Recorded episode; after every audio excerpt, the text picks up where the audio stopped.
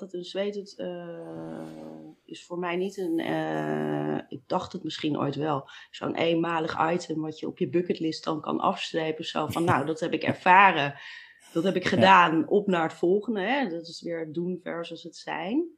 Ehm, maar een zweet, het is voor mij een diepe spirituele ervaring gebleken. Ehm, wat ik ook in een, in een ritme steeds dieper kan voelen, kan voeden ook, mijzelf daarmee.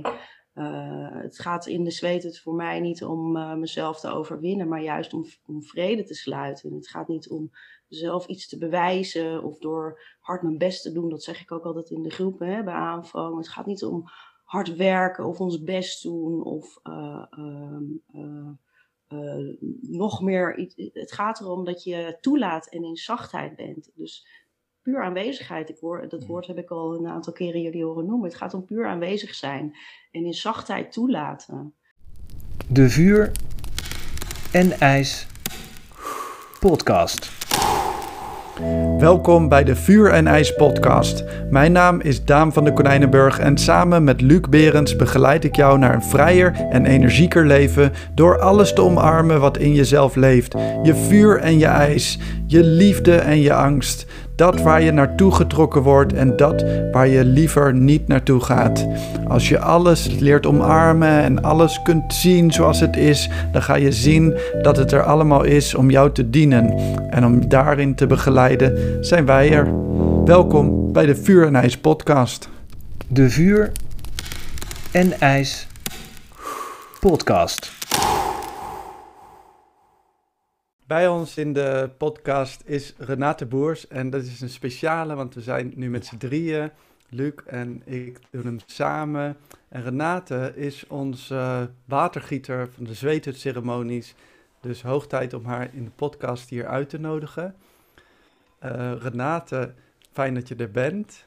Ja, fijn. ja, heel fijn. Dank je wel voor de uitnodiging. Ja, we vinden het zo leuk dat we er allebei bij wilden zijn. We, hadden, we konden niet kiezen wie de podcast moest gaan doen met jou, dus doen we maar samen. Nou, daar krijg ik meteen een warm gevoel bij. Nee, leuk om jullie hier te zien, uh, mannen. Mooi. Ja. Zo in ja, het nieuwe jaar. Onze virtuele op omgeving. Ja, en wel mooi dat je dat warme gevoel noemt. Want dat is, uh, dat is het gevoel wat ik altijd krijg als ik jou zie. Ehm, en ook de reden eigenlijk dat je hier bent. Want ik, ik kan mij nog herinneren dat iets meer dan een jaar geleden inmiddels, denk ik, de eerste zweethut die ik, ehm, waar jij bij was, waar ik ook was. Um, jij als schieter samen met Martin en ik als, uh, als gast in de hut. En dat vond ik echt zo'n toffe ervaring. En ik vond jou zo tof, ook in de hut, zo ja, warm, aandacht, aanwezig. het gevoel of je met alles en iedereen verbonden was. Dus ja, erg fijn dat je nu eindelijk in onze podcast zit, om het zo maar te zeggen. Wauw, nou daar zeg je hele uh, rake, rake dingen al meteen, uh, Luc. Mooi. Mm. Wat ik het mooie vind, uh, Renate, is dat in, in de hutten die ik met jou heb meegemaakt, is er altijd magie aanwezig. En ik heb best wel wat hutten inmiddels meegemaakt en ook bij verschillende um, watergieters. Maar die van jou zijn toch altijd ja, heel speciaal op een of andere manier. Je, je hebt de magie om je heen hangen. Wauw. Nou, die ontvang ik even in mijn buik. Hmm.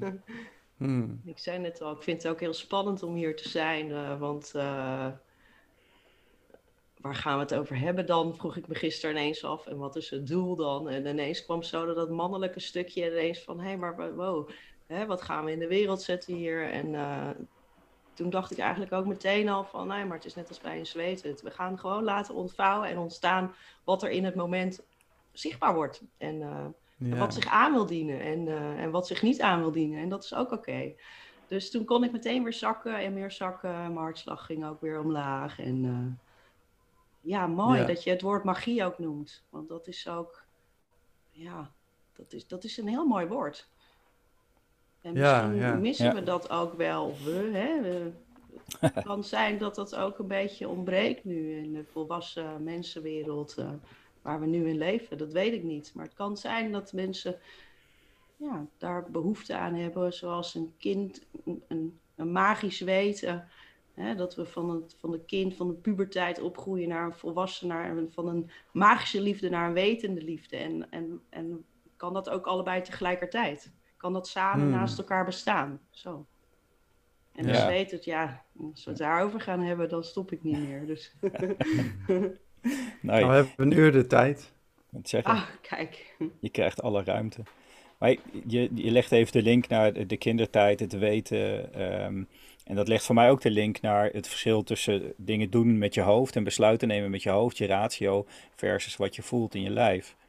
Ehm, en ik, heb, ja, ik denk dat we daar wel echt veel meer in ons hoofd bezig zijn dan in ons lijf bezig zijn. En dat we andere besluiten zouden nemen, anders zouden kijken naar dingen als we wat meer het gevoel erin zouden betrekken. En ik denk, dat is ook wel die magie van de zweethut, dus dat dat gevoel gewoon zo aanwezig is. Dat je echt mag voelen wat voor jou is, wat niet en wat, eh, ja, wat voor jou goed voelt. Ja, is mooi. De ingang is gewoon, of ja, gewoon, het is niet gewoon. De ingang is ons lijf. En het lijkt wel, eh, hè, als ik ook naar mijn eigen ervaring kijk, dat ik heb het lijf eh, een soort van door te doen en niet te zijn, eh, meer losgelaten. En ik ben zo het hoofd en het hart, of het hoofd en het lijf meer gaan scheiden. Terwijl ik eigenlijk altijd heel holistisch kon beschouwen. Het, hoe ons lijf werkt. Ik noem het dan ook niet ons lichaam en ons hoofd. Nee, het is, het is, het is één geheel. Eh, Hmm. En hoe we ook soms de neiging hebben om het lijf eh, te verlaten of, of, eh, of weg te spacen. Of eh, nou, hoe je het ook maar wil noemen, onze vluchtroutes. Hoe die zo actief kunnen zijn. En hoe, hoe spannend het ook is om te voelen en wat er nou eigenlijk echt is in dat lijf. Ja.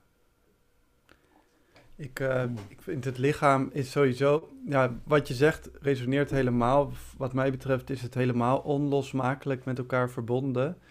Eh, je hoofd, je hart, je lijf.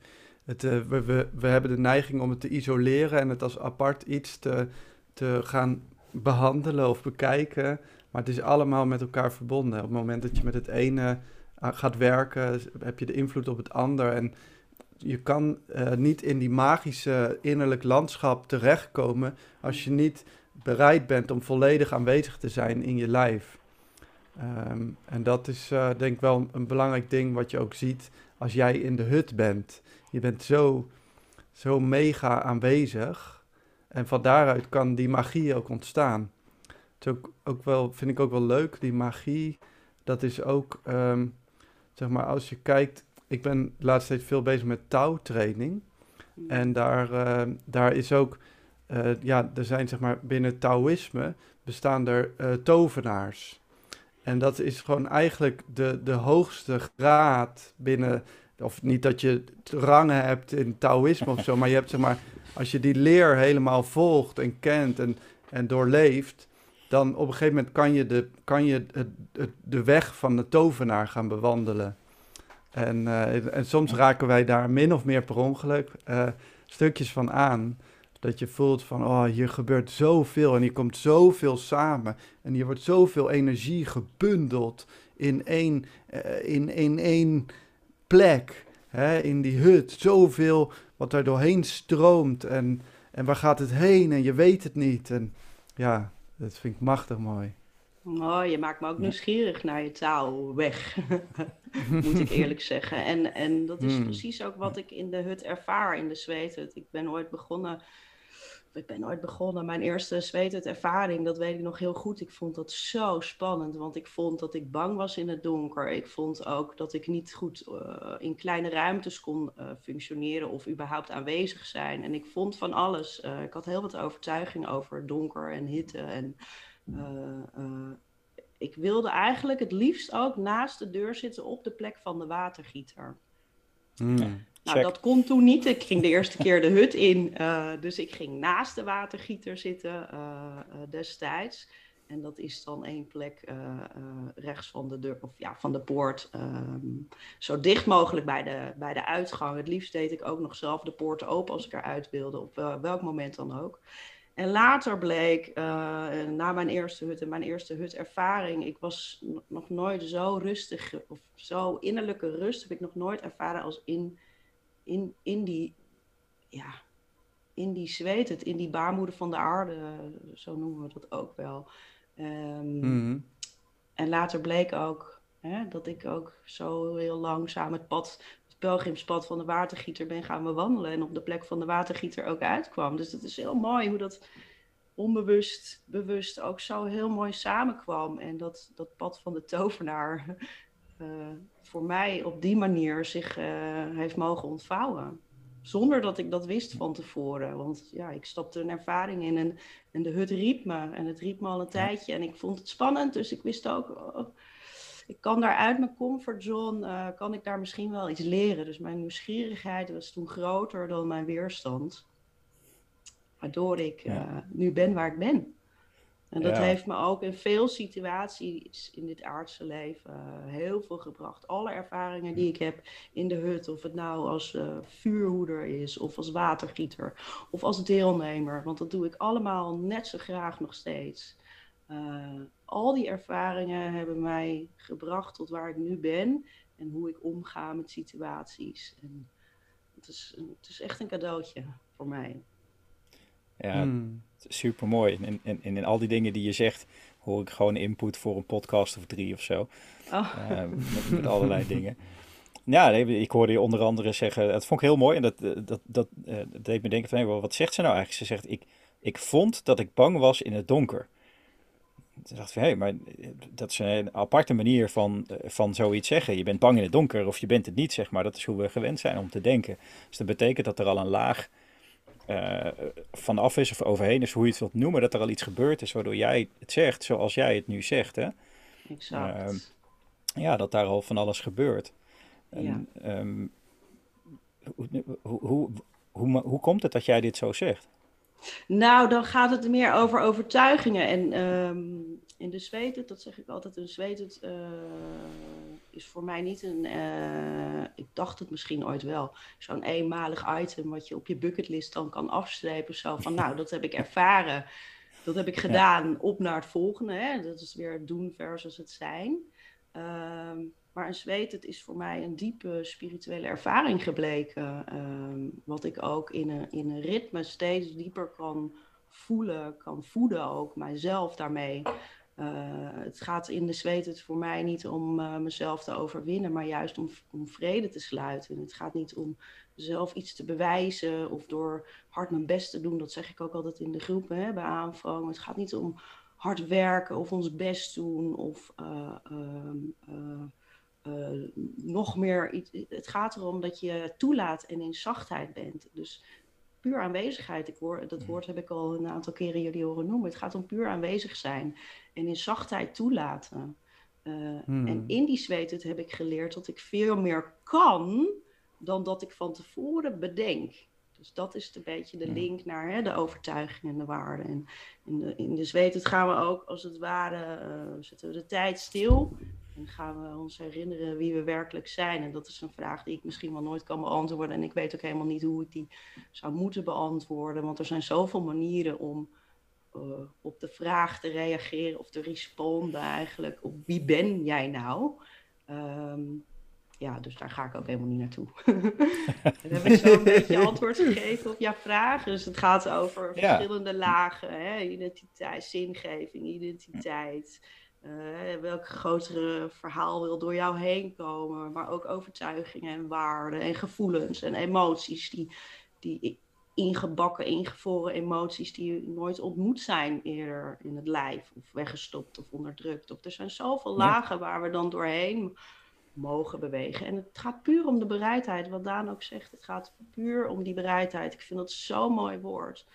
Ben jij bereid? Het gaat niet om willen, het gaat niet om kunnen, het gaat niet om, om hard werken of je best doen, wat ik al zei. Het gaat om, om die bereidheid. En daarom werken we ook veel met intenties.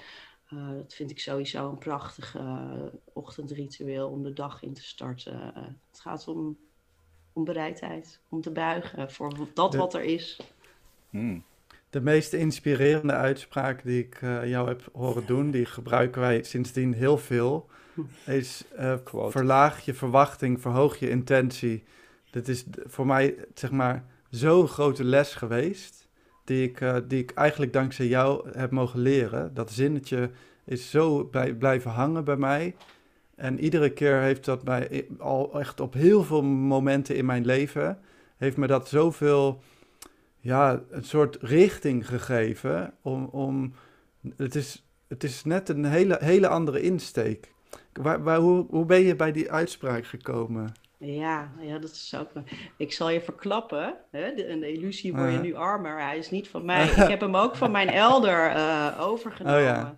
En het was ja, mooi. exact dat wat jij nu ervaart. Dat ervaarde ik ook bij die uitspraak. Want ik was ik was en ik heb daar nog steeds, dat is een, uh, dat is een, uh, een neiging van mij, die, die, ligt, die, die, die hoort bij mij. Dat is dat, dat ik ook graag controle wil. Want controle, hè, de mm. illusie van controle. En toch blijven proberen om ergens nog controle op uit te oefenen. Of het wel te weten. Uh, dat, dat is gewoon helemaal bij mij aanwezig. En dat, ja, dat, dat die uitspraak van mijn elder, uh, hè, bij wie ik ook zweethut uh, heb mogen ervaren en veel van heb mogen leren, een soort, een soort leraar noem ik het ook, elder. Um, ja, die raakte mij net zo diep. En ik, ik ben daarmee gaan oefenen en gaan spelen. En ik oefen daar nog steeds mee, elke dag. Dus alles wat ik dan mhm. bij zo'n uh, bij zo'n mooie verbindings, openingsronde doe in de natuur om het vuur dat zeg ik ook tegen mezelf weer, om mezelf te herinneren van, oh ja, Renaat, uh, laat maar los. Uh, je weet het niet en je hoeft het niet te weten. Je hoeft alleen maar met je intentie van aanwezig zijn of wat dan ook, wat het dan ook is, toelaten, bereidheid, ont mm. mogen ontvangen, wat het ook is, daarmee te zijn. En dan laat ik het weer los. Ik heb geen, ja. we hoeven niet ergens naartoe, we hoeven niks op te lossen, we hoeven niks te veranderen. We zijn gewoon met wat er is. Niks meer, niks minder. Dus dan, uh, ja, dan is het leven ook echt magie, moet ik eerlijk zeggen. Als ik, als ik dat zo mag beoefenen en, uh, en, en ik hoef het ook niet onder de knie te krijgen, want dat is ook weer zo'n. Uh, dan, dan, zit je weer in de verwachting en de, het kunnen. En, nee, alleen maar zo ja. dat te ervaren en te voelen van: oh ja, ik hoef het niet te weten. Oh oh, wat kan mijn hartje en mijn buikje daar rustig van worden. Zo. Hmm. En het is ook spannend. Het klinkt ook wel heerlijk. En weet je, ik vind het ook een fantastische uitspraak. En als ik je dit dan hoor vertellen, dan denk ik ook van ja, hoe ga je dan om met die onzekerheid? Want ons brein kan gewoon heel slecht met onzekerheid omgaan. Het idee dat je niet in controle bent. Zeker, nou, ik wil ook wel graag controle hebben. Ik een beetje net zoals jij ook.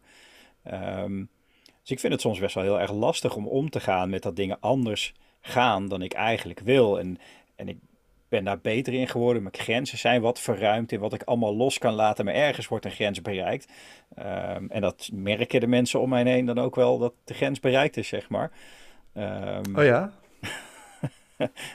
nou, jij niet, Daan. ik denk dat jij hem wel vaker ervaren hebt. Maar ik, ik, hoe ga jij daarmee om? Hoe ga jij, als jij dat gevoel hebt dat, je, dat er iets gebeurt wat je eigenlijk niet wilt.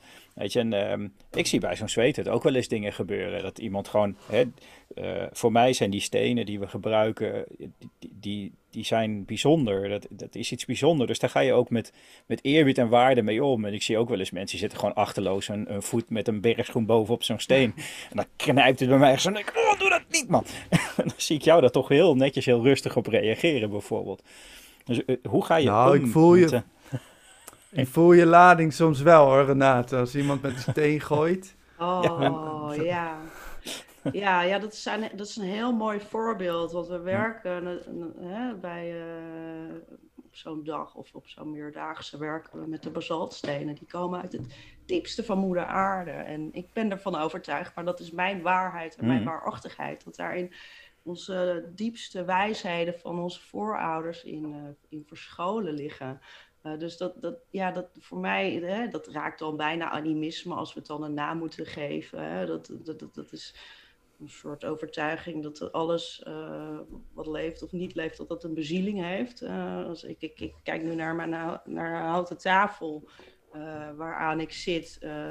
alles heeft een ziel daarin. En vooral de basaltstenen waar we mee werken, ehm, die we ook een intentie meegeven om, om die dag met ons te zijn. Eh, die we ook uitnodigen om met ons te zijn, hè, een spirit. Hm. Ja, dat, dat raakt mij in mijn lijf. En het enige wat ik dan kan doen is voelen in mijn lijf wat er gebeurt. En soms kies ik ervoor om daar iets over te benoemen hardop. Hè? Om er lucht aan te geven, letterlijk. Want dan gaan mijn afweermechanismen ook aan. En dat is alleen maar puur bewustzijn wat ik dan merk. Wat ervaar ik in mijn lijf nu ik dit zo hier om mij heen waarneem? Wat, wat gebeurt er in mij? En en soms kies ik ervoor om daar niet iets over te zeggen. En dan kan het zijn dat je dus wel de lading oppikt. En dan is het eigenlijk dus het moment om daar misschien wel lucht aan te geven. Want dan zijn mijn afweermechanismen nog heel hard aan het werk. En dat is ook de functie van onze hersenen. Onze, onze hersenen die hebben twee functies. En één is voorkomen van gevaar. dat, dat, is eigenlijk zorgen dat je in leven blijft. En de andere is uh, uh, besparen van energie. En ja, terwijl je dan mijn lading voelt, ben ik eigenlijk heel hard toch van binnen aan het werk. Uh, en, hmm. en, probeer ik energie te besparen. Terwijl als ik er gewoon lucht aan geef en niemand hoeft er iets mee te doen, ik hoef me alleen maar te laten raken. En op zo'n moment laat ik mij raken. En daar hoef ik dan ook even niks mee, of wel. Ja, dat is altijd een keuze. Dus het gaat puur om waarnemen, om bewustzijn, lichaamsbewustzijn. Je hoeft alleen maar in je eigen lijf te zijn. En dat vind ik ook zo'n klus nog steeds. En zeker in de liefde, dan kan ik ook zo lekker projecteren op de ander. Terwijl ik gewoon eigenlijk gewoon even mag ademhalen en even, hey, wat gebeurt er nou eigenlijk in mijn hart? Wat gebeurt er nou eigenlijk in mijn bekken of hè, in mijn lijf? Wat, wat, wat, gebeurt er nou met mij in plaats van met mijn aandacht vol op de ander te gaan? Uh, ja, dus ook voor mij is dat echt mhm. nog een dagelijkse klus. Uh, ja, het is gewoon een klus. Het leven is best een klus af en toe. en dat oh, mag. Ja. ja. Nice. Ja. Work in progress. Totdat we doodgaan.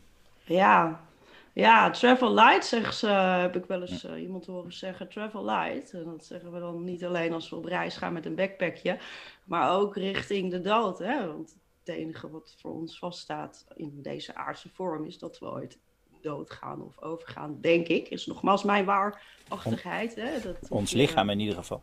Ja, exact. En uh, ja, ik ben er tegelijkertijd ook heel nieuwsgierig naar uh, meer en meer. Van, oh, hoe, zal dat, hoe gaat dat zijn? En, uh, en, en door al het werk wat we nu doen, hè, of door ons bewustzijn, er, hoe, hoe we met persoonlijke ontwikkeling nu bezig zijn, zou dat ook helpen in die overgang naar wat dan ook. Ja, ik ben heel nieuwsgierig daarnaar. Maar, ja daar ben ik nu nog niet, uh, denk ik. Nee, hè? Ik, hoop, ik hoop dat het nog even mag duren, Renate. Ja, nou, ik zal je vertellen. Ik dacht even, uh, nou, nog geen twee weken geleden terug. Toen uh, had corona mij, onze oermoeder corona mij even flink te pakken. En toen had ik wel even zoiets van, wow, ze is best een bitch. Toen wist ik dus ook niet wat er zou gaan gebeuren. En ik had echt elke dag wel even zoiets van, oké, okay, what's next? Daar waar ademhalen soms heel vanzelfsprekend is, dat dat, dat, dat even helemaal niet zo vanzelfsprekend was. En nou, ik kan er heel mhm. veel over vertellen. Ik vond het een heel fascinerend proces uh, waar ik doorheen ben gegaan. Maar toen had ik wel even zo dat oermoederdood uh, in het hoekje van mijn uh, twee bij twee slaapkamer zo even met me meekijken. Van nou, welke kant gaan we op? Ja, dat, was, dat kwam heel dichtbij. Ja. Dat is ja, bijzonder nou, klein uitstapje, maar ik, ik, weet niet hoe ik hierbij kwam. Maar ik, ja, ik, ik, uh, ik vind haar erg interessant en inspirerend, oermoeder uh, dood. Nou, je was heel hmm. nieuwsgierig naar uh, wat er zou zijn na de dood eigenlijk. Ja. En, en oh, dat is wel, ik vind dat, het is wel een, een, een interessante vraag op zich. Um, ik ben dat ook wel eens, maar ik, het is ook een vraag waar ik eigenlijk heel weinig over nadenk, omdat ik er zo weinig mee kan. Weet je, ik kan er weinig invulling aan geven. Uh, ik kan niet even zeggen van nou, ik ga even kijken en dan uh, zie ik je volgende week nee. weer. Dat... Nee, het is meer ook het moment van, van sterven. Het echte loslaten. Ja. Dat is net als als we gaan slapen. Ik, ik was iemand vroeger die. Nou, ik hield. Ik zou altijd. Nou, uh, slapen, dat doen we niet aan. En het leven vieren en bewust. En nou, ik, slapen, dat was, ja, dat was niet aan mij besteed, zeg maar. En nu kan ik er zo van genieten om gewoon uh, naar bed te gaan en mijn lijf te rusten te leggen. En, en, en eigenlijk als het ware te sterven. Om zo meer in die, die natuurlijke cyclus is voor mij nu zoveel meer waard dan... Ik had zelfs ooit op zo'n uh, Lowlands Festival shirtje laten drukken sleep is waste. Nou, echt, de, ik weet niet meer hoe oud ik was, maar zelfs nog, denk nog, nog geen, ja, was 18 of zo. Echt ja. wel gewoon richting volwassen volgens, hè.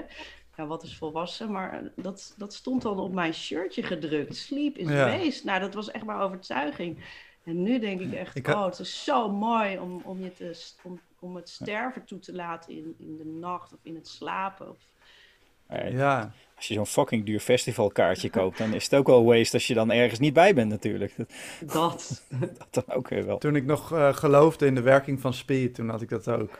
Ja. Je zegt, uh, één, keer, één keer in de paar dagen moest je er gewoon aan overgeven dat je gewoon moest slapen. Dat was echt, uh, ja... Ja, exact. Want op dat middel uh, gaat slapen vaak niet samen met dat middel. Mm. Geloof ik, nee. het is trouwens nu, ik herken heel erg wat je zegt. En het is ook het stukje hè, de dood leren omarmen. Ook al weet je niet wat, uh, wat het is, is ook uh, een stuk meer het grote mysterie leren omarmen. Hè? En onze hele maatschappij is op een bepaalde manier echt um, dwangmatig ja, de, de, de angst voor de dood is zo aanwezig in alles. En we moeten de jeugdigheid houden. En, en, en hè, de dood, angst voor dood zie je eigenlijk terug in allemaal uh, gedragingen in onze maatschappij. Terwijl hoe meer we gewoon kunnen zijn met die dood, die als fase, ook, ook als fase in, in onze ademhaling, maar ook hè, in de winter, waarin je ziet dat, dat alles hier boven de grond als het ware afsterft en daarna weer opkomt. Het is ook het, uh, de term microdosing death. Gewoon het stukje steeds, steeds het stukje uh, hè, doodgaan uh, ervaren.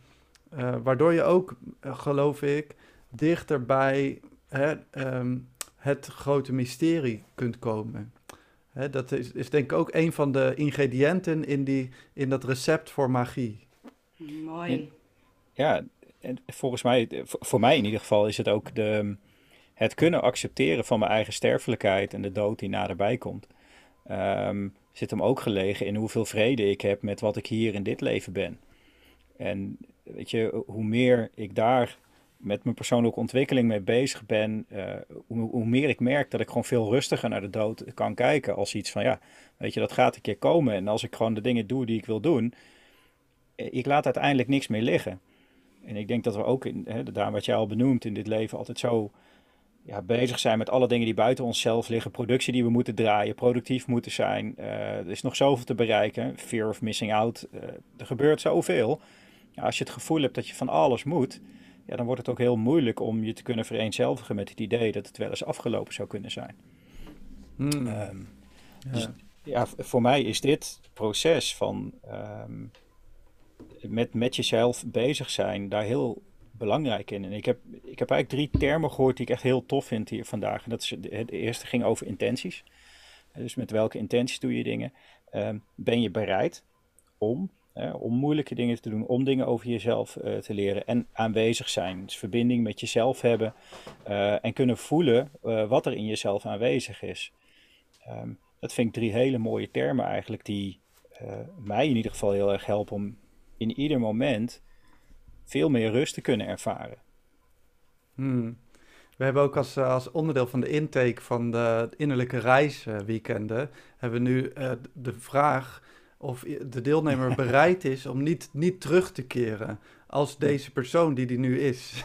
en dat moet je, ja, je moet daar wel mee akkoord gaan, uh, wil je meedoen aan die innerlijke reis.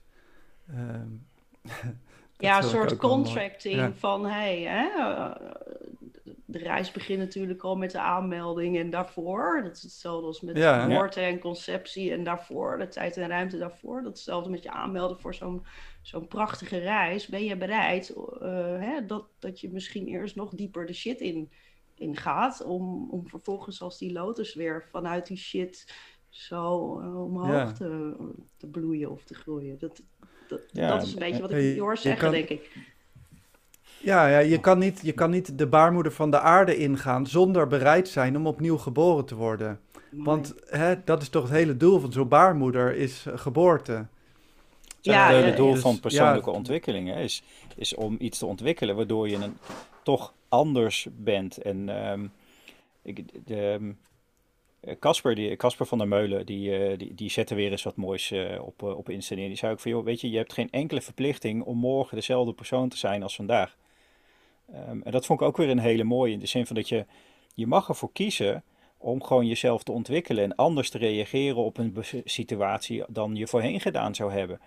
Ehm, maar je moet, ik denk daarvoor wel de bereidheid inderdaad hebben om ook te accepteren dat als je dat doet, dat je leven er ook anders uit gaat zien. Dat er misschien ook wel dingen zullen zijn die je niet meer doet, mensen die je niet meer ziet, die niet meer bij je passen. Dat je, dat je ook daarin uh, stappen gaat zetten. Ja, um, exact.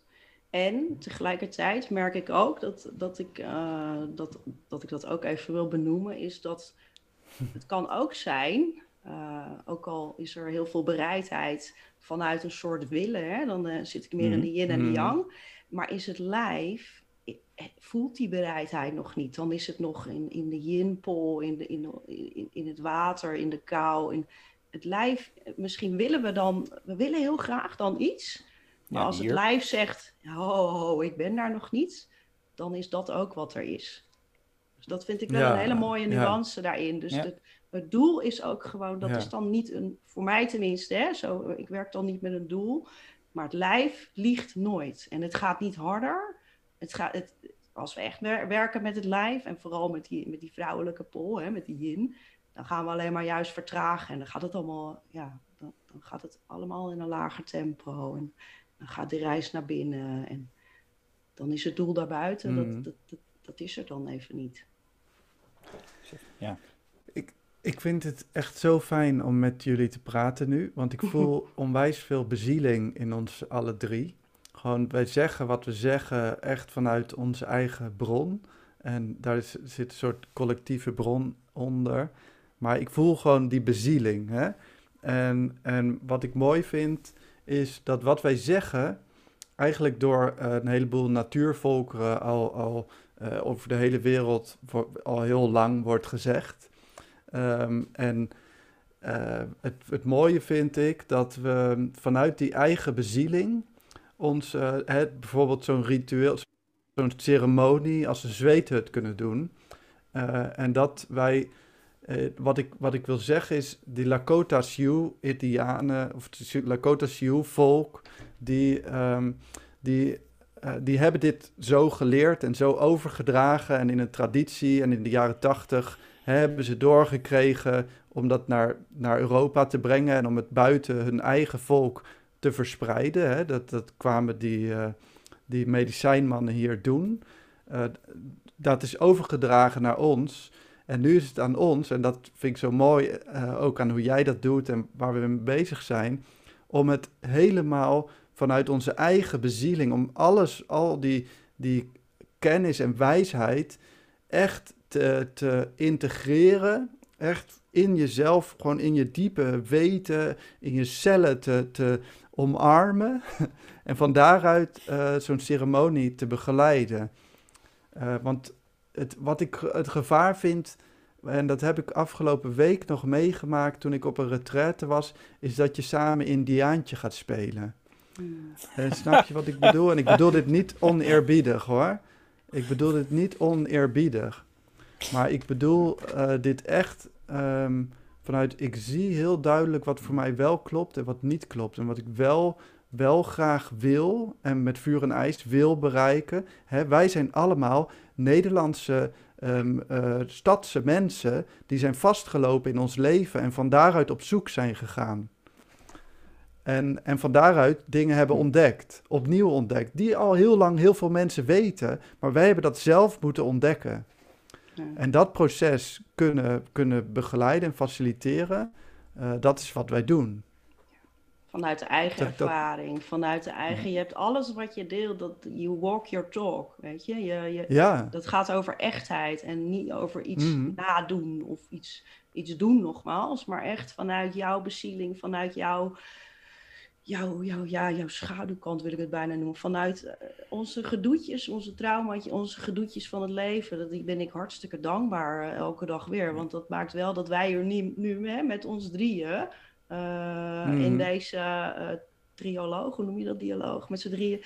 Dat we hier in gesprek zijn uh, over deze hele mooie thema's, over diepe, diepe thema's. En dat komt omdat we allemaal mm. onze geschiedenis hebben geleefd en beleefd en ervaren. En ja, mijn leraar zei ook wel eens, elk trauma heeft een talent en vice versa. En ik begin dat ook steeds meer te, te, te voelen ook, te belichamen. Van, oh ja, weet je, door mijn, mijn ervaringen in het leven, door mijn gedoetjes en mijn, uh, mijn patroontjes en mijn... En mijn uh, doe ik nu ook wat ik doe en heb ik daar een soort talent, hoe noem je het? Een, een zijns, een zielskwaliteit van, een zijnskwaliteit van gemaakt. Een soort bezieling is dat ook.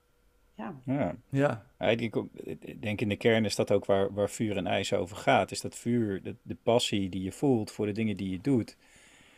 Ehm, en wat ik daarna hoor zeggen, dan, ik zie dat dan voor me als... We hebben iets gelezen, we weten iets, we zijn ergens geweest en hebben gezien van oké, zij doen het zo. En vervolgens gaan we dat kopiëren en dan spelen we hier een rol. Dan spelen we een rol van watergieter bijvoorbeeld. of een rol van spaceholder, die, eh, die, eh, die ik dan heel vaak neem in, eh, in onze retreats. Ehm, en soms voel je dat iemand een rol aan het spelen is. Dat hij een acteur is die iets doet omdat hij gezien heeft dat het zo hoort. Versus dat iemand iets aan het doen is wat gewoon authentiek vanuit hem of haar zelf voortkomt. Volgens mij is dat het verschil wat jij, wat jij voelt, denk ik, uh, Daan. Ja. ja, dat kan ik ook zo voelen. Ja, en dat, dat, vind, ik, dat vind ik echt. Ehm, ik moet eerlijk zeggen, ik heb op niet zo heel veel plekken zweethutten gedaan. Ehm, maar die ik heb gedaan, voelden het bij iedereen wel echt heel erg alsof ze op hun plek zitten. Ehm, maar ik heb voor mezelf wel het gevoel... Ja, het, ja, heel even, ik, voel, ik voelde voor mezelf af en toe dat ik een rol aan het spelen was. En pas in uh, de fase waarin we het nu met, met vuur en ijs, met de innerlijke reizen en nu met de zweethutten die we apart aan het aanbieden zijn... Um, ja, merk ik dat ik veel meer kan voelen. Wat, wat ben ik nou echt hier? Weet je, wat vind ik hier nou echt? En uh, vind ik, begin ik mijn plek te vinden uh, die, die echt bij mij past. Versus van oké, maar ik heb geleerd dat het zo moet. Hmm.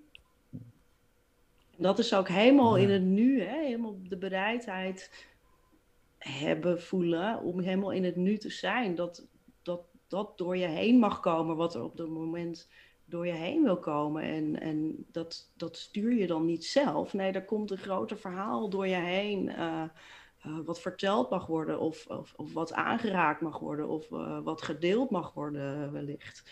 Dus dan, dan, dan ben je eigenlijk een soort bron waar de, de natuur is de healer, hè? Zeg, zeg ik dan. de natuur is de healer. Wij zijn niet de healer, ik ben niet de healer, jij bent De natuur is de healer in, in dat proces. En dat is zo prachtig. En soms uh, hebben we daar helemaal ook geen woorden voor nodig. Dan is juist de stilte hè, en het verbinden via de stenen, het verbinden via mantras zingen, dat vind ik ook wel echt een hele mooie vorm. Uh, omdat we dan zo afstemmen op de frequentie van het heelal, van het universum. Heel veel ja, muziek of liederen die ja, vinden plaats op een frequentie van, wat is het, 440 hertz. En met mantra's zingen gaan we echt heel ritmisch praten. Of hè, gaan we echt een, uh, ook zakken in, het, in, in de snelheid. We gaan vertragen, waardoor we helemaal kunnen afstemmen.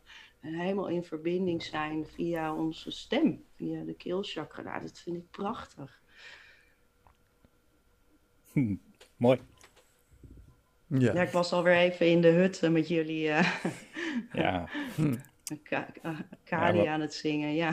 We mogen al bijna weer, Renate. Ja, ja, we mogen alweer bijna. Maandag weer. 5 februari. Oh, jullie al maandag, oh, ja. ja. ook nog. Ja, en maandag gaan we nog en 5 februari de lente het. Dus, ja, 5 eh, februari hebben we een openbare hut voor uh, de...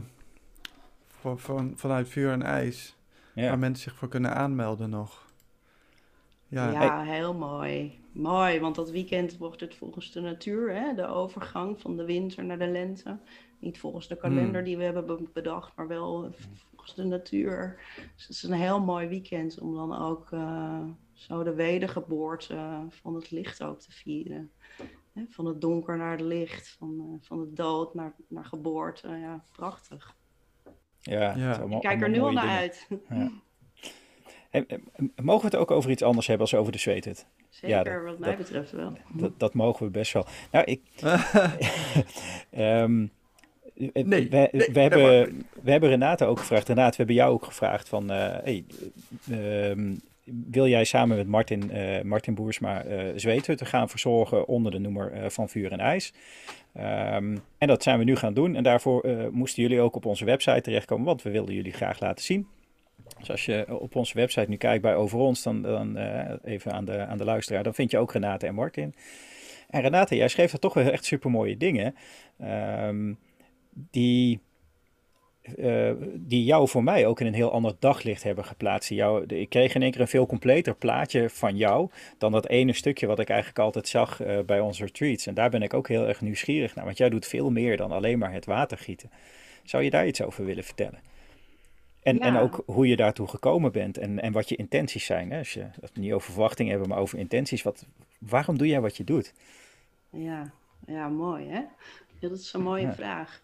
Ja, jeetje, dan gaan we ook wel terug in een stukje geschiedenis. Want uh, dan, dan, dan ga ik nu ineens, zit ik dan even in de schoolbanken dat je moest opschrijven wat je later wilde worden. En dat ik echt geen idee had van, nou, wat moet ik hier nou toch weer invullen? Daar was ik ja. veel te jong voor. Ik was nog veel te graag naar buiten aan het kijken hoe mooi de vlinders voorbij vlogen. Of, of hoe de vogeltjes fluisterden en de, de bomen, de takken bewogen. En... Uh, ik wist het helemaal niet. En uh, uiteindelijk was ik, uh, heb ik de middelbare school doorlopen en wist ik het nog steeds niet. En toen stond ik echt op zo'n zijsprong van ja, ga ik nu studeren? Ga ik nu werken?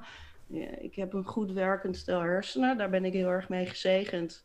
Het werkt ook af en toe heel erg tegen me, uh, heb ik ervaren. Maar goed, ik, ik, ik heb ze ook. Um, wat ga ik doen? En ik wilde eigenlijk toen, weet ik nog wel, ik was heel erg geïnteresseerd in psychologie. In de psyche van de mens, in gedragingen van de mens. En uh, dan ben ik al wel twintig of zo, denk ik. Of ja, ik ben niet zo goed in leef, leef, leeftijden, meer in levensfases. Hm. Um, maar goed, ik stond op die, op die, op die uh, T-splitsing van wat ga ik doen? Ik had toen een vriendje, dat was ook niet een heel gezonde relatie. Veel drugs, uh, alcohol, uh, grenzeloosheid, nou noem het maar op. Toen heb ik gekozen om te gaan studeren en niet psychologie. Want ik, was, uh, ik had toen ook de angst, daar heb ik me toen door laten leiden, dat ik het derde jaar namelijk niet zou halen. dat staat in het teken van statistieken. En ik heb een goed stel hersenen, maar wiskunde, dat ging er bij mij niet in. Ik kan alle talen leren met gemak, vind ik ook leuk. Maar wiskunde, dat is zo. Dat, ja, dat, dat, nou, dat, ik dacht, nou, dat ga ik nooit halen. Dan ga ik studeren en dan kan ik het niet afmaken. Hmm. Dan kies ik maar voor rechten. Want ik vind het ook belangrijk dat we allemaal uh, uh, minimale geboorterecht hebben. En ik vind uh, rechtvaardigheid een belangrijke waarde voor me. Dus ik ga rechten studeren. En ondertussen, dat heb ik gedaan. Ik heb me ingeschreven, Universiteit van Tilburg destijds. Uh, hey, daar heb ik ook gezeten. Echt waar? Ja, het ja heette niet, toen bij nog rechten hoor, anders. maar Ah, ja, het heette toen nog anders, ja. ja. je weet. Het was toen een katholieke, katholieke universiteit in Tilburg, Tilburg, geloof ja, ik. eh, ja. ja. Mooie afkorting. Kut. wel. Ja, Ja, precies die. Ja. ja. ik wou het niet zeggen, maar dank je Daan. Ja, de kut. De Maar volgens kut. mij zat ik er nog Kut. op toen het Cup heette met de B eh, aan het eind. Maar goed, het Ja. heeft heel veel namen gehad. Ik heb daar eh, recht gestudeerd.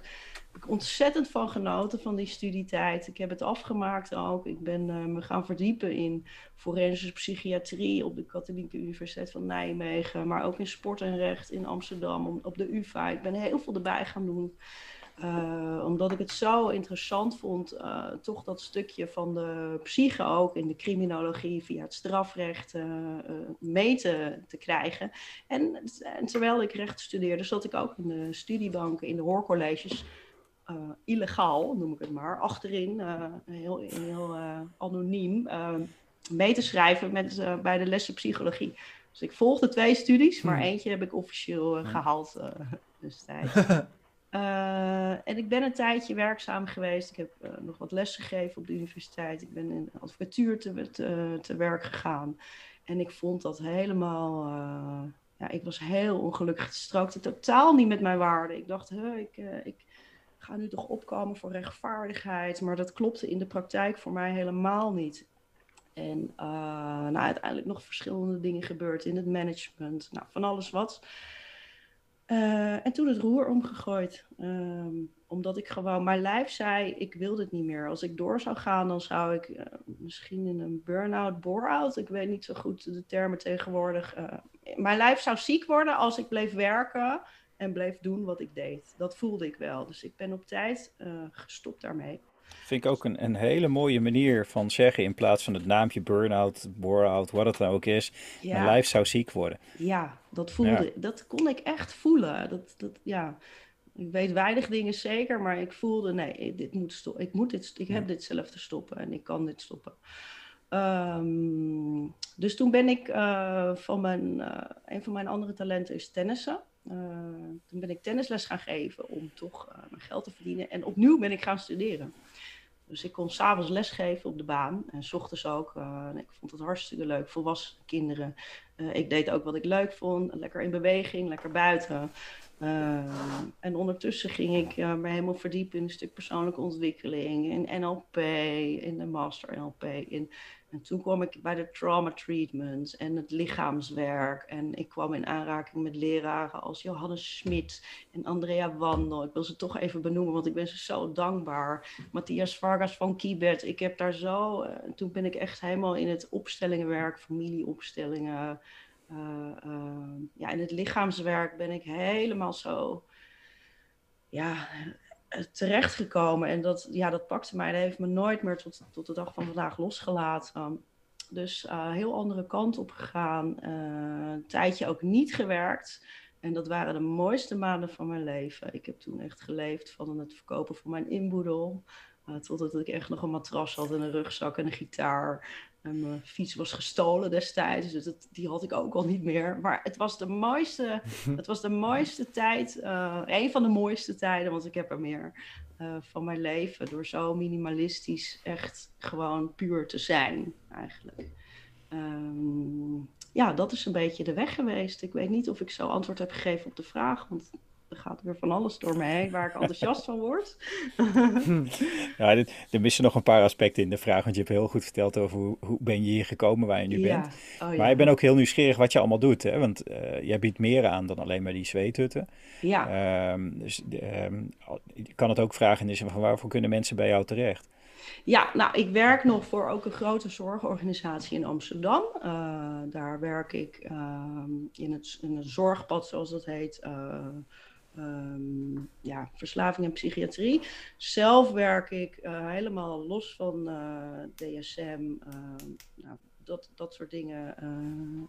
ja, hoe noem je dat? Stem, stempels of stigma's of mm -hmm. nou whatever. Ik werk daar helemaal los van. mensen kunnen bij mij ook komen voor één op één coaching, voor groeps, voor vrouwengroepen, voor gemengde groepen. Ik werk heel graag in de natuur, maar dat kan ook in het park hier in Amsterdam. Uh, ik doe veel familieopstellingenwerk, maar dat noem ik tegenwoordig sinds in mijn laatste opleiding uh, gerevisited heb, zeg maar, intuïtief systemisch coachen. Dus dat is echt met het lijf, uh, met het lijf werken. En uh, dan kun je allerlei symptomen hebben in het hier en nu, waar, wat een vraag zou kunnen zijn. Het maakt niet uit of dat nou op liefdesgebied is, of op gezondheids- of, of lichaamsgebied, op werkgebied of wat dan ook.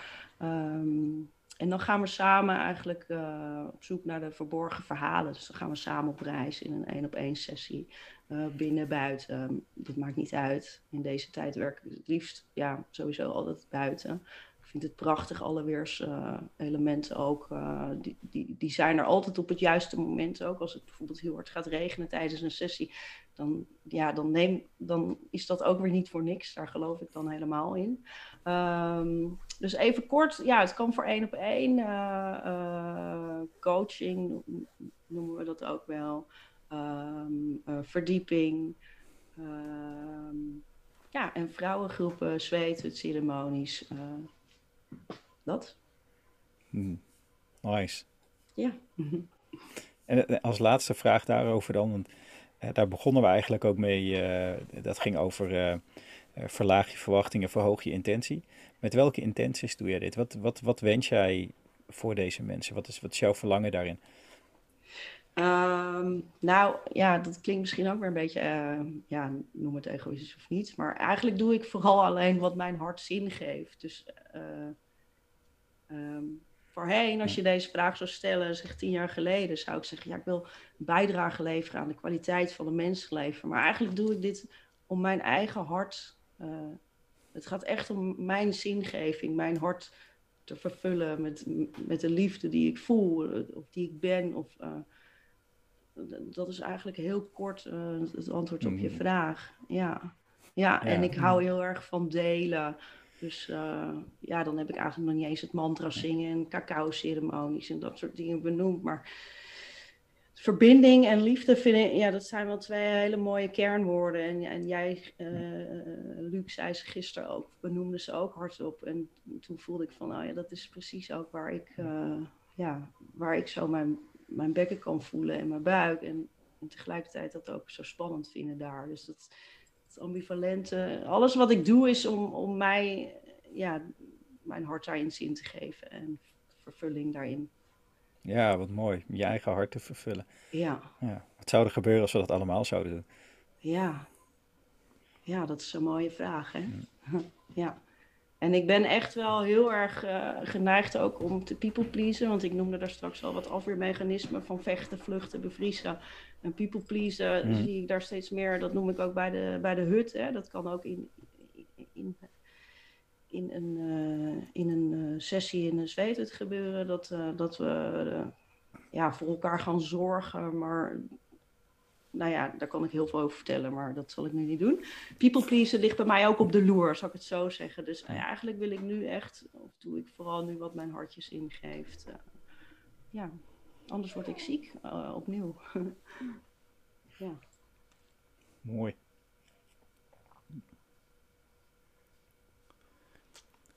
Ik moest uh, in één keer denken aan uh, afgelopen, mijn afgelopen zweethut-ervaring als deelnemer.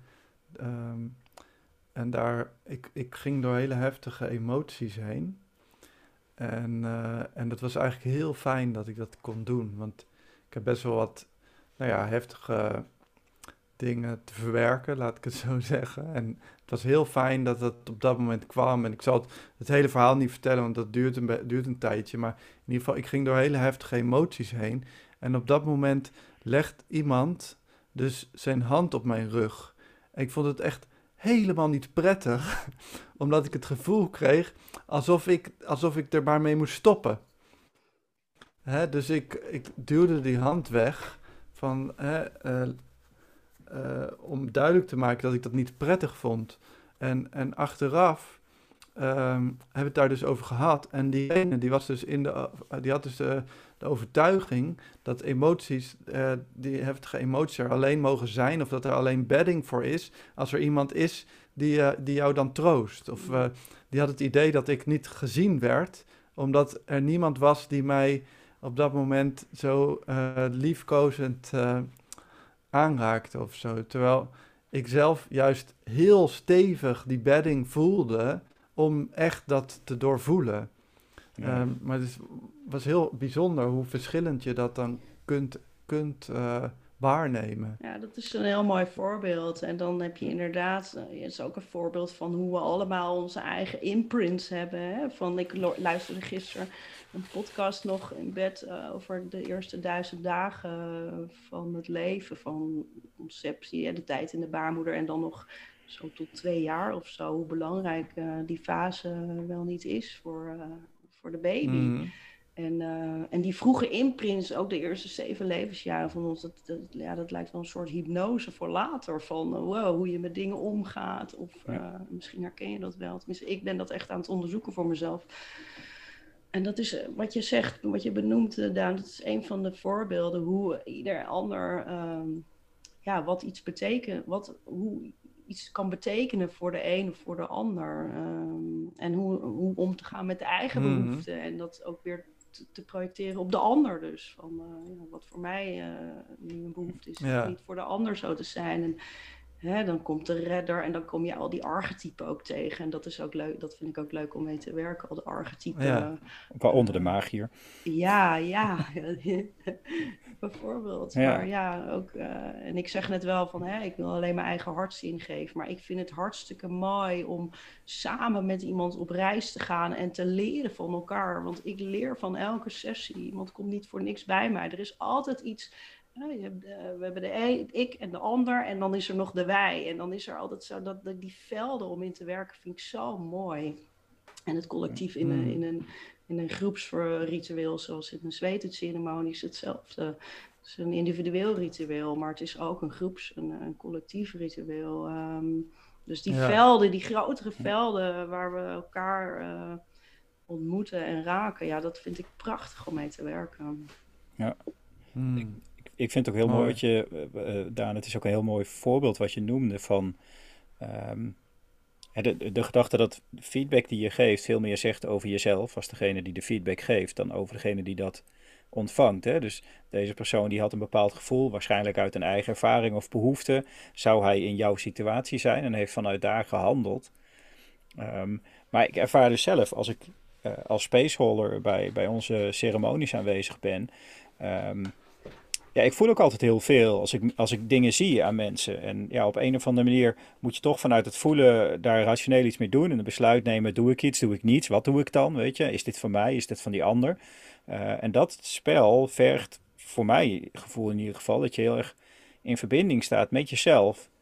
En, en weet in te voelen, wat is nou van mij, wat is van die ander, doe ik daar iets mee? En, en mag ik ook de vrijheid nemen om op die ja, intuïtie is het eigenlijk, weet je. Ik, ik ik kan het allemaal nergens checken. Ehm, en, en ik ben heel blij dat ik uh, de kans heb gekregen of de ruimte heb gecreëerd om daarmee te oefenen. Um, en dat we na zo'n innerlijke reis, dat mensen gewoon letterlijk dingen teruggeven. Oh, Luc, en toen was jij bij mij en je deed toen dit. Oh, dat was zo, zo fijn. Dat heeft me zo erg geholpen. Dat het blijkbaar precies is wat er nodig is op zo'n moment. Maar het is ik vind het wel heel spannend altijd hoor. Ik, ik heb echt ook heel vaak dingen niet gedaan omdat ik het te spannend vond. Ik dacht van ja, ik weet eigenlijk niet, weet je. En misschien is dat ook precies goed. Misschien is dat dan precies wat er nodig is dat ik het niet deed. Maar ik vind dat vind ik wel heel lastig. Ja, maar dat, dat is waar je lichaam de weerstand geeft. En die weerstand die is er om jou te laten vertragen.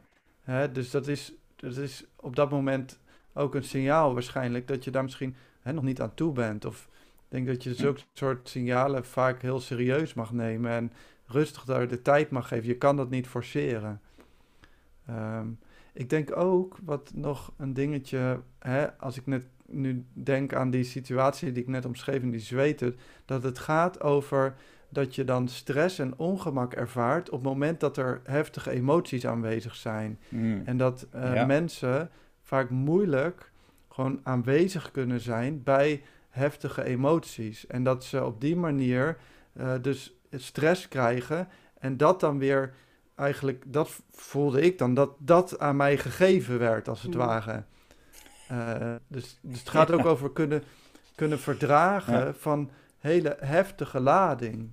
Die, dat mag er zijn. En, en ja, laat het er nu maar zijn. Wat fijn dat het er kan zijn. ja.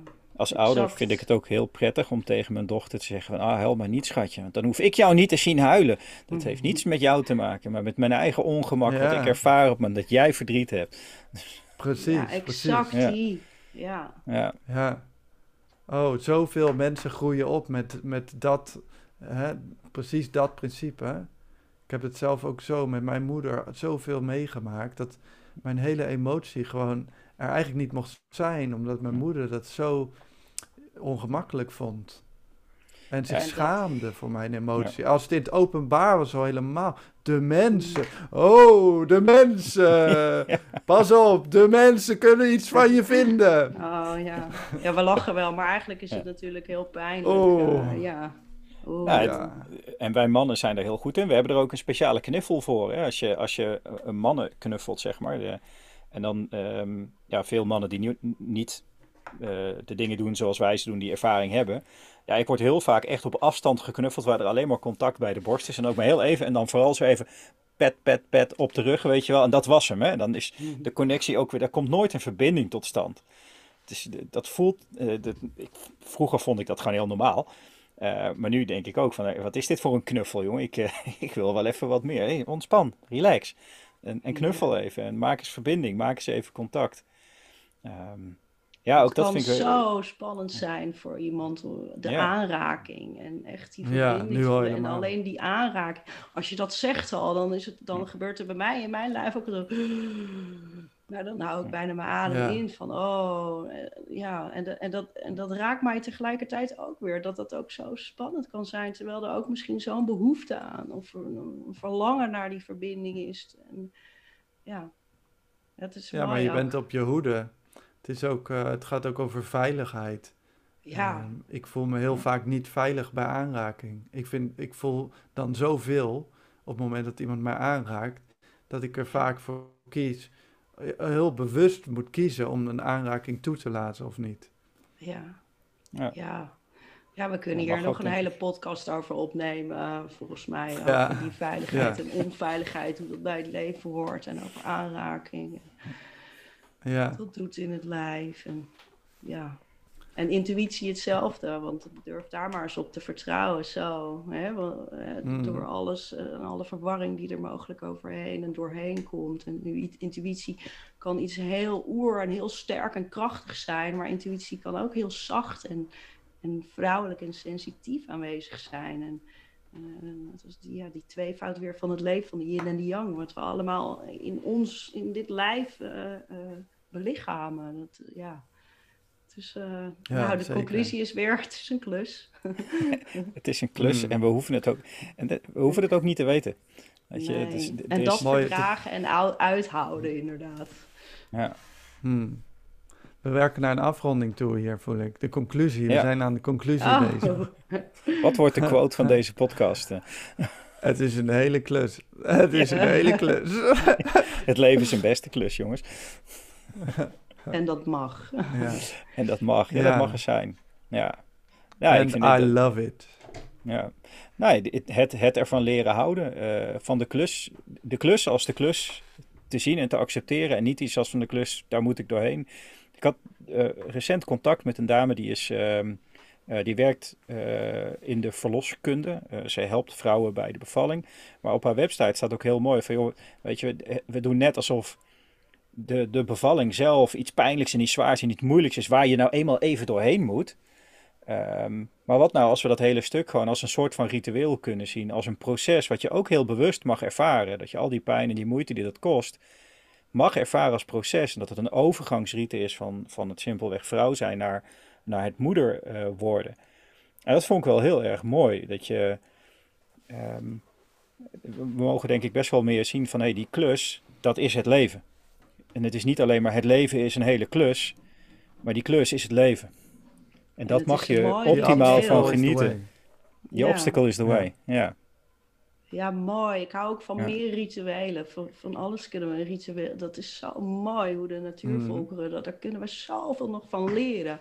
Van echt, eh, ja, dat, dat, dat, dat, dat natuurlijke ritueel gewoon laten ontstaan. De natuur haar werk laten doen. eh, ja. Ja, vind ik heel mooi. Ja. Hmm.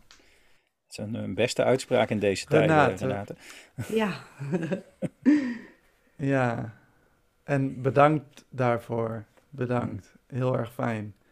Ja, ik wil wat, eh, nog eh, graag de luisteraar of kijker ook aanspreken om te zeggen van wil je bij die hut van Renate zijn? Want Renate en Martin begeleiden samen de zweethut-rituelen voor ons, eh zweethut-ceremonies voor ons. En dat is eh, op 5 februari is de eerstvolgende. En dat doen we iedere seizoenswisseling. ehm, hebben we een zweethut-ceremonie eh, die je kan boeken via www.vuurenijs.nl. Ehm, dus dat vind ik nog even belangrijk om te noemen. je bent Nogmaals, zo dankjewel welkom. Renate. Ja. ja, en jullie ook. Dank jullie wel. Ja. Dank jou wel. Met alles wat er Hmm. is. Fijn om zo eh, samen te zijn. Ja, ik voel heel erg de behoefte om af te sluiten met Aho. En, eh, Yes. Ah, hey. De Vuur en IJs podcast. Bedankt voor het luisteren naar de Vuur en IJs podcast. Wil je meer voor jezelf? Dan kun je abonneren. Wil je ook iets voor een ander? Dan kun je inspireren. Stuur deze podcast door naar iemand die hem goed kan gebruiken. Bedankt voor het luisteren en tot de volgende keer.